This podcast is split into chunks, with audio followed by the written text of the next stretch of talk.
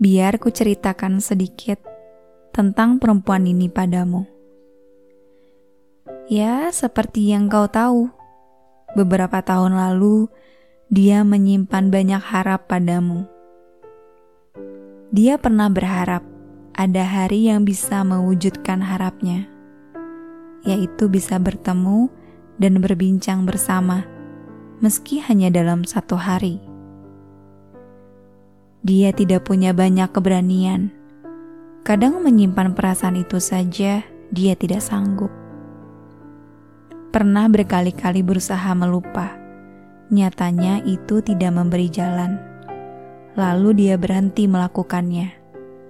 Dan sampai hari ini, dia masih menikmati perasaannya itu, meski dalam harap yang berbeda.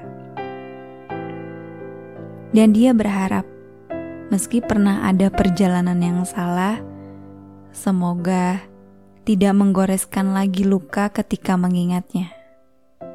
Dia titipkan salam untukmu. Semoga berbahagia, katanya.